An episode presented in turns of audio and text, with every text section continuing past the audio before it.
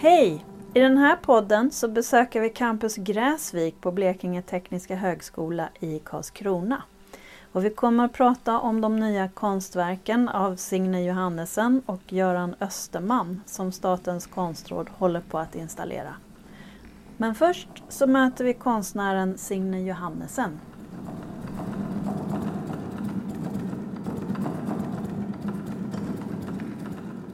Men vi, vi sitter ju här och jag rusat hit från bilen mm. och jag visste inte alls, jag tyckte, jag tyckte det var svårt att se på fotona mm. hur lokalen skulle se ut som Trofé Collection skulle eh, monteras i. Men nu när jag kommer in så känner jag mig ju alldeles slagen av eh, platsen för att det är ju en sån otrolig eh, upphöjd plats. Alltså den kan ju ses från alla håll och kanter, även ovanifrån och underifrån och mm. är liksom i ett trapphus. Att det, det känns, jag, ja, jag känner mig väldigt stolt över att jag ska få montera verket här. Det är en jättefin plats kan jag säga. När jag, jag kom in lite tidigare då eh, var det vibrerande här. Massor med studenter överallt som satt och pluggade och snackade och var aktiva överallt. Så det, det är roligt också att få göra någonting på en eh, plats med så många unga människor. Ja, det ska bli så himla spännande att se vad, hur det här verket liksom möter en, mm. en publik som inte kanske ens eh, har mött en hjort i verkliga livet någon gång eller pratat med hjortar så som jag har hållit på med i några år. Mm. Så att det, eh, ja, det ska bli spännande att se hur, hur det här verket eh, mår när det, när det är helt solitärt sådär mm. utanför sitt, sin diskussion och sitt sammanhang. Just det. Du undersöker ditt eh, konstnärskap förhållandet eh, vi har till djur och det gör du mycket genom utgrävningar och eh, arkivmaterial till exempel. Jag, jag funderar då på, var, var, var kommer du ifrån själv? Du nämnde mm. precis du är från Nordnorge men du ett ditt eget förhållande till djur, har det påverkats av att du har fördjupat dig i de här frågorna eller är det bara en mm. självklarhet från början? Det kanske är åt andra hållet, att min känsla för icke-mänskliga relationer har ju format mig, eller min upplevelse av eh, de icke-mänskliga relationerna jag har växt upp med har mm. format mig så pass mycket att jag tror att det blir eh, för mig en väldigt naturlig sak att umgås med det. Mm. Eh, kanske till och med som en del av att ha en blick på människan i stort. Mm. Att det nästan ja, är ett sätt att liksom få syn på eh, eh mig själv eller dig. Mm. Om jag sätter på mig ett par öron eller en svans mm. så ser jag det mycket tydligare. Mm. Och för mig är det ju så att jag är uppvuxen i en ganska speciell situation där, där vi barn fick till tider eh, ja, men, liksom, ta hand väldigt mycket om oss själva. För det här var en speciell tid, liksom, 80-talet. Mm. Och var barn på 80-talet eh, i Nordnorge innan internet och, och så. Och mina eh, föräldrar hade ex, liksom höll på att experimentera väldigt mycket med andra sätt att, att vara familj på och bryta normer. Så att jag är uppvuxen i ett kollektiv som på många sätt var väldigt komplicerat. Mm. Eh, I alla fall för mig. Mm.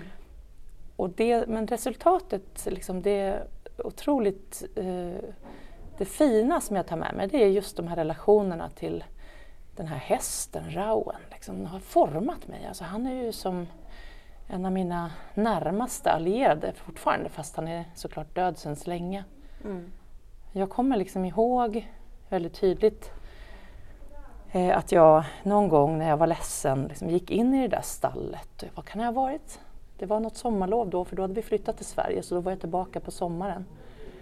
Gick in i stallet och så bara vänder han sig om liksom och tittar på mig med sina kloka ögon. Så öppnar han munnen och börjar prata. Alltså språk, mm. ord. Mm. Och det här samtalet, och vi hade det här samtalet, det var så förtroligt och han sa så mycket kloka saker. Mm. Och jag kommer ihåg hans lukt och hans mule och känslan av liksom hans andning. hans värme. Och sen blir man vuxen. Mm. Och jag tror kanske på många sätt att jag fortfarande i mitt konstnärskap håller på att göra upp med det faktum att jag eh, behöver liksom, eh, att jag konfronteras med att det här minnet inte vinner laga kraft. Alltså det här minnet är ju ett minne som inte passar i något arkiv eller i någon mätbar sanningsnorm som vi delar i vårt samhällskontrakt. Mm. Men för mig är det kanske en av de mest verkliga minnena jag har. Mm. Så det är sådana mm. djupt, som, djupt personliga upplevelser som kanske ligger till grund för varför jag har intresserat mig mer och mer för mm. Vilka juridiska bottnar de här relationerna har som har format mig så mycket och som jag ser runt omkring mig är så eh, eh, viktiga. Mm. Och vilka, både juridiskt men också så hur vi hanterar varandra, hur vi hanterar varandras kroppar, hur vi hanterar varandras liksom, behov. Alltså då tänker jag på människa-djur-relationen. Mm. Eh. Är det därför som, du, du jobbar ju ofta väldigt eh, tvärvetenskapligt och med forskare, eh, men även med barn. Är det för att lite grann hitta tillbaka till det där? Eller vad, vad, skulle du kunna säga någonting om deras olika roller? Barnen, forskarna, liksom vad, var är du i det där och hur speglar du dig gentemot dem? Ja men det är en jättebra fråga. Eh, jag tror att eh, de har väldigt, på ett sätt olika roller.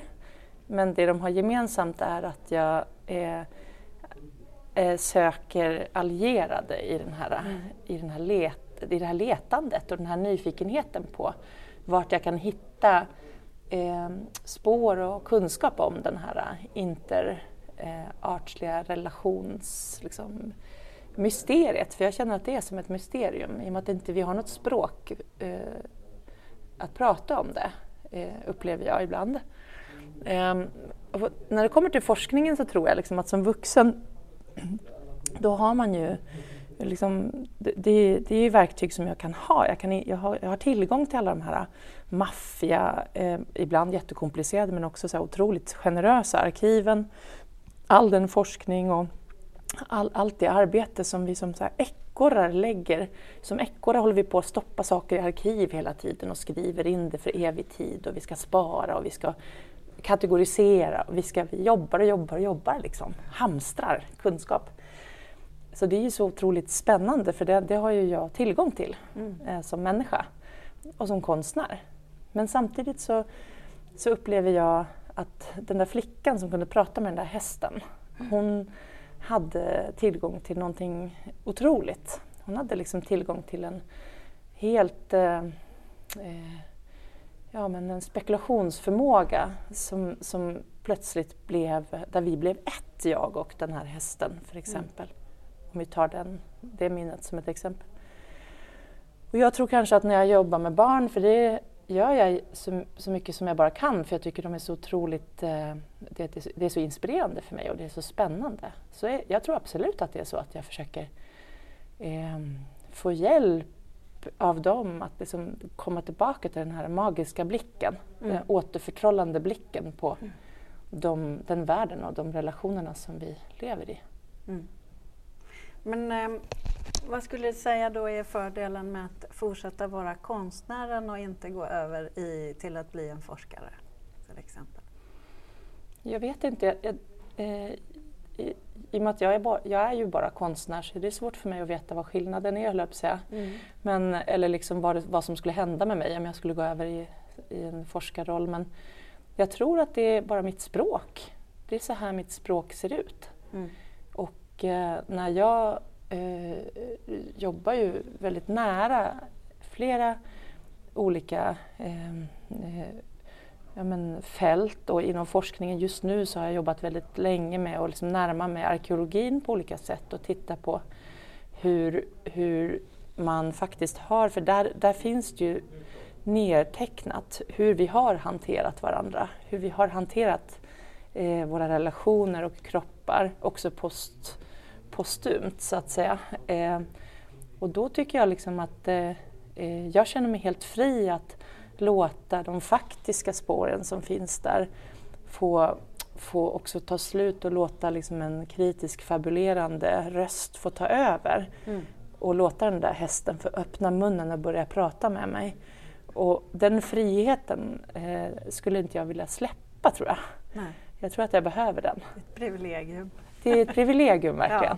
Ja. Men jag har ju eh, bland annat Kristina Fredengren, en arkeolog som jag har jobbat en del med runt ett fynd eh, som gjordes utanför Örebro som just handlar om en kvinnokropp och en häst bland annat.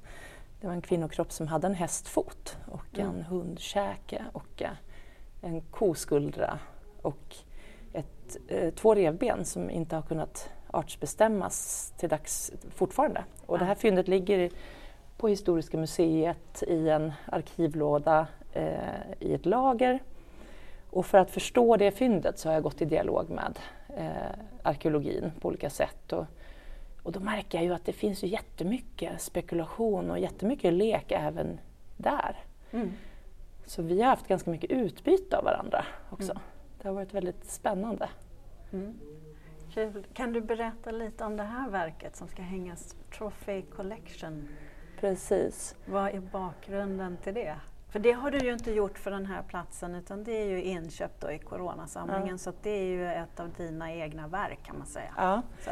Det här är ett verk som, alltså Trofea Collection eh, kom till under ett ett arbete som jag gjorde och det, var, det, är så roligt för det var ju just under Corona mm.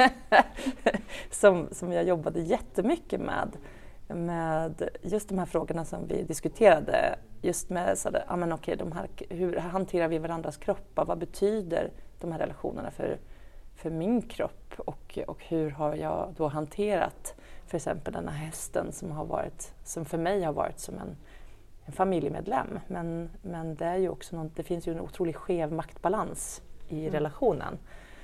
Så jag har liksom undersökt det på olika sätt och då hamnade jag i, i bland annat i jättearkivet på SLU där de så generöst släppte in mig och jag fick botanisera i liksom hur, hur vi eh, förvarar de här eh, kropparna och hur de används i utbildningssyfte och hur de eh, diskuteras och hur de eh, ingår i en större diskurs.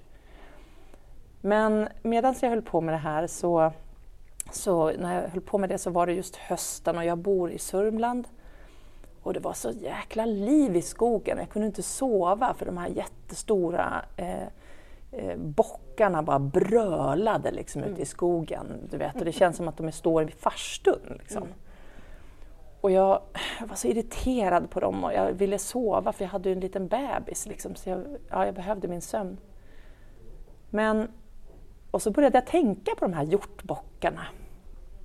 Och, och sen så hittade jag en, en bild av min biologiska pappa från det här kollektivet. Mm. Där han står med, och så har han tagit två jättestora horn och satt på sitt huvud så alltså stirrar han in i kameran. Eh, rakt på mig sådär. Och så blev jag så gripen av att, eh, att det, det blev en sån, ett sånt sätt för mig att förstå den här flockstrukturen som jag utsattes för och var en del av som barn när mm. vi bodde i ett kollektiv som var liksom väldigt experimentellt och där det fanns en väldigt som patriarkal struktur mm. som jag har jobbat mycket med att liksom göra, eh, undersöka och diskutera. Och de här bockarna som stod och brölade i skogen, ja, men de försökte bröla till sig de här olika hindarna då. Och då började jag intressera mig för det, så jag började prata med jägarföreningar och började också tänka på alla vandringar i norska fjällen. Så fort man kommer till en hytte, då hänger de där, de här jättestora troféerna. Mm. Eh, och att det handlar så mycket om våld. Liksom. Mm. Man tar någonting med våld och sen så sparar man på de här troféerna. Så det här blev liksom viktigt för mig att undersöka ytterligare. Så jag började prata med jägare och då också speciellt i Skåne runt Ystad för mm. att jag, skulle ha en, jag hade en separatutställning som jag jobbade mot där på Ystad konstmuseum. Och började frenetiskt att gjuta av de här troféerna. Mm. Eh, och gjuta av. Och det var också så skönt för det blir så rituellt. Liksom. Man tar hand om de här hornen och tar form och gjuter av. Och då kan man liksom lämna ifrån sig originalet tillbaka till de som har de här troféerna men jag kunde få ha kvar en sorts eh, avbild av det som jag kunde bearbeta på mitt sätt. Mm. Eh, och så här höll jag på. Mm. Och det blev ju flera hundra fragment. Och det är de som liksom blev eh, bitarna som jag jobbade och jag hade, den här, jag hade en sån blick av att jag ville liksom att alla de här äh, stora brölande bockarna i skogen skulle liksom genom någon form av förtrollning tappa sina horn. Liksom. Mm. För jag ville sova. de är ganska skräckinjagande när de står och brölar. ja, precis. Och då ville jag liksom att, då, då, kände jag mig som en sån, någon sorts häxa eller trollkarl sådär. Och då kände jag att jag ville att de skulle sväva i luften så här, att jag kunde bara få dem att mm. sväva. Och det, det, är väl det vi ser i Trophy Collection tror jag. mina svävande eh, trolleritricks. Och så, som en led i det arbetet så bjöd jag också med min mamma ut i skogen mm. för att lära sig att prata med de här kåta eh, hjortbockarna. Så det höll vi på med i flera nätter. Och brö, lärde oss att bröla med dem och försökte prata med dem liksom, och komma dem nära. Just nu så håller jag på och jag är tillbaka hos hästen på något sätt och mm. håller på och jag tror att jag håller på och eh, går in i den där liksom sadelkammaren där det finns helt andra lagar och regler. Mm. Eh, än i resten av samhället på något sätt. Um, och där de här relationerna mellan den här mig och min kropp och de här djuren som då står där ute har he en helt annan magnitud än, än det som går att eh, värdera med varken pengar eller språk. För det, så, så viktigt är det för, har det varit i mitt liv och också jag tror att det är så otroligt mycket människor och framförallt flickor mm. som, som går genom livet med och har fostrats av hästkroppar. Mm. Eh, och jag eh, märker att jag är på väg tillbaka i den fostran och jobbar mot två storskaliga eh, installationer. En till Lillit Performance Studio i Malmö mm. och en till Rönnebäcksholm i Danmark mm. som båda kommer rulla ut eh, 2024. Ja, spännande. Så det, mm. Jag är inte helt, jag klurar på det.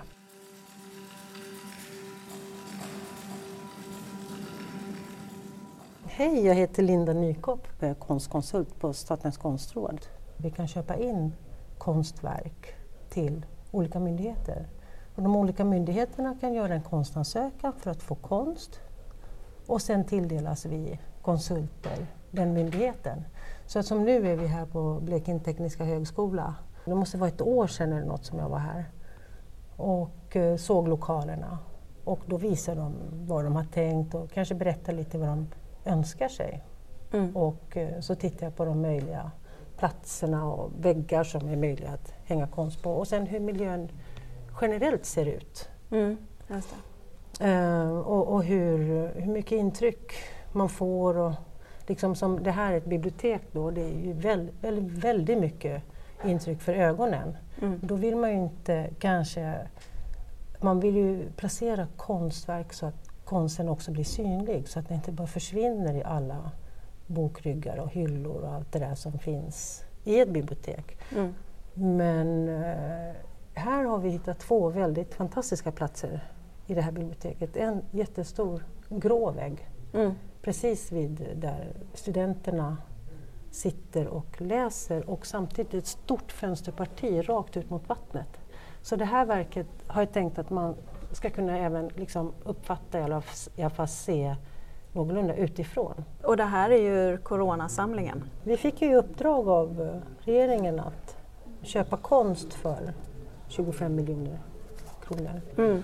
Och eh, som vi då jobbade hårt med att att försöka hitta ute i landet. Ja, det, Alltså- det var ett ganska stort krav som kom Ja, ju. Och det var ju till och med, nu kommer jag ihåg att det var lite konstkritiker som, Ja. som föregick processen Ja, nästan det. och eh, skrev att nu får ni ut och handla i hela landet. Mm, precis, och det var ju också vår intention, att verkligen nå ut. Så det blev ju mycket portfoliovisningar och många gallerier kunde skicka in konstverk och även enskilda konstnärer. Mm. Det fanns väldigt mycket att eh, gå igenom. Vi gjorde ett väldigt omfattande arbete där. Här har vi en sån här. Den samlingen, delar av samlingen har ju åkt runt och Ja, visats i Sverige. Men ehm, de, båda de här verken är från, den, Mm. från coronasamlingen. Hur har ni resonerat då när ni har valt ut det här? Det här Göran Österman, det är ju, det, för det första, det är ett verk bestående av 50 enheter, 50 bilder, eh, alla med varsin ram, så att man förstår Mm. att det är en stor mängd. Göran har varit runt om i Europa och fotat av gravstenar. Mm. Det här är alltså porträtt på den avlidna som finns på gravstenen, ofta i emalj eller porslin. Så det handlar mycket om minnet, om minnet av en människa. Mm. Minnet, vad händer när, som till exempel på flera av de här bilderna har ju bilden nästan försvunnit med tiden. Alla de här har ju, eh, är ju minst 75 år gamla, läste jag på. Mm. Och det är både vuxna och barn och man ser ju att det är en viss, liksom, de, de är oerhört vackra men eh, man förstår också att eh, man, man går runt i, i kyrkogårdar och ser gravstenar med avporträtterade människor så här. Så handlar det om att jag får en bild. Mm. Den människa som har känt den avlidne får ett minne. Mm. Jag får bara en bild som jag kan göra mig tankar kring. Och det är ju oerhört spännande. Men om man tänker sig, vad händer när hela den här bilden är borta? Att försvinner också minnet av den här Mm. människan? Det gör det ju inte för den som har känt människan, troligtvis. För att den har sin egen bild eh, inombords. Mm. Men vad gör det för resten av oss som går där och ser en bild som inte längre är en bild utan det kan vara en rest av en bild? Mm. eh, vi som aldrig har känt den här människan. Mm. Vi kan inte göra oss tankar kring den personen längre när bilden är borta. Mm. Men samtidigt så finns det ett avtryck Precis. oavsett som ändå gör att den liksom ett av, avtrycket lever vidare på Mm. något sätt. Man kan tänka sig att bli ett ringa på vattnet just av hur man har agerat Ja, som exakt. människa. Precis. Och att det fortplantar Ja, sig ja. vidare. Men det är lite svårare att ta på. Det är svårare att ta på. Mm. Och det är en viss typ av förgänglighet, precis som Signes verk som då också handlar om natur och eh, Mm. Är delar av horn. För mig handlar ju teknik till exempel om något som går blixtlikt, att det går fort och det minnet som finns där. Vad är det för minnen vi värnar, alltså vårdar oss om? Är det liksom som det tekniska, det som var för 20 år sedan, Mm. det kanske vi redan har glömt och struntar fullkomligt i för det, idag, det som gäller är det som är idag, rent tekniskt. Och för mig som inte är så tekniskt kunnig så ser jag bara en enorm hastighet som Mm. pågår. Medan det här, de här verken här, de är ju extremt långsamma. Mm. De är kvar, de är Mm. mänskliga, det är natur, de lämnar spår och eh, ja, det är ju det som är hela det vackra med konsten också. Så det är den kontrastverkan som ni har önskat få genom Ja. att välja de här Ja, sviterna och placera på Mm. Tekniska högskolan. Precis. Mm. Det här passar ju dessutom bra på ett bibliotek. Ja, det tycker jag Alltså, absolut. eh, Ja. tematiskt även med Ja. Signes verk. Ja, Mm. definitivt. Och de här verken då, här sitter jag och borrar som sagt och Mm. håller på med sån här säkerhetshängning Mm. på 50 ramar. Mm. Det är små grejer som ska fästas på baksidan av tavlan. Det blir 100 små borrhål och 100 små beslag för att eh, dels så ska verk som är i sådana här offentliga lokaler säkerhetshängas så att de inte går att plocka Mm. ner bara hur som helst. Och sen Pelle, min tekniker, är nu högst upp i en lift där, inne, Mm. inne i taket, uppe i Just det. betongen och försöker sätta fast krokar som ska orka bära sinnesverk som Mm. väger kanske ett par hundra kilo. Mm. Det är Är det bra väl om ingen får den i skallen sen. Det är jättebra Ja. om man ska få slippa få det på sig faktiskt. Mm. Som jag sa förut, man vill ju synliggöra dem så man vill ju hänga dem inom citationstecken rätt. Mm. De ska få en bra placering, de ska få en synlig placering, de ska också placeras så att de syns. Så ibland kanske om man har en hel vägg som jag har här, låt säga att jag hade bara haft ett verk. Mm. Då kanske antingen hade jag kunnat placera det i mitten som ett väldigt påstående. Mm. Men kanske också ibland eh, kan ett verk försvinna om det bara blir centrerat utan det kanske bara behöver en förskjutning Mm. för att det, det ska liksom ladda, bli lite mer dynamiskt Mm. i ett rum. Så att eh, det, det är viktigt det här med hur, eh, vad som händer i ett rum när konsten kommer upp. Mm. Vad tycker du är de viktigaste aspekterna med att ha konst i offentligheten? Fler människor borde få möjlighet att ta del av konsten, Mm. av konst generellt. Precis som av läsning och poesi så kan det vara ett, ett rum man kan gå in i, alltså en, eh, en, någonstans att fly ett ögonblick. Till exempel som man gör kanske när man läser en roman eller lyssnar på musik. Så kan man också bli del av konsten.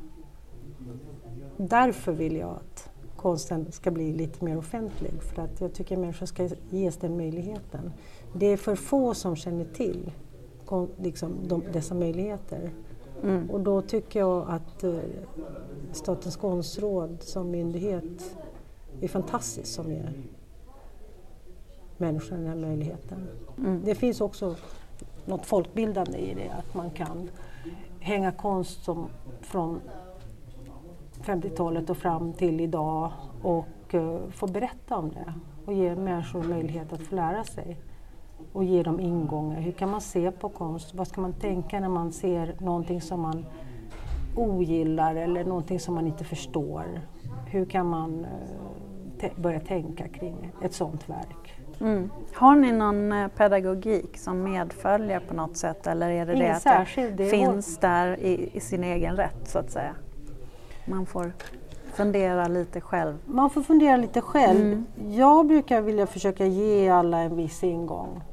Eh, Jag vet inte hur mina kollegor gör men jag brukar ofta tala om att eh, bakom varje verk finns en röst. Det finns en person som vill säga någonting och vad kan den personen tänkas vilja säga? Mm. Och då konst gestaltas på så många olika sätt. Och att man, om man bara får en sån insikt att konsten, att det finns en röst bakom varje konstverk, då kanske man försöker hitta, klura kring det och hitta Mm. någonting, alltså som betraktare. Mm. Så försöker jag ge ingångar utan att det ska bli allt för svårt. Mm. För jag menar, det är inte mer än att man behöver inte mer än landa i sig själv för att försöka förstå sig på ett konstverk. Man Mm. behöver inte vara kunnig i förväg. Det är absolut inte så, utan man, man ska bara våga leta in i sig själv Mm. för att eh, se om man kan få kontakt med det här verket. Och får man inte kontakt med det här verket så gör inte det någonting det heller. Utan man kan ju gå till nästa verk kanske och se någonting annat i ett annat rum. Mm. Och där kanske hittar man någonting. Det är ju otroligt fint att se när man har hängt, gjort en hängning och se reaktionerna Mm. efteråt. Mm.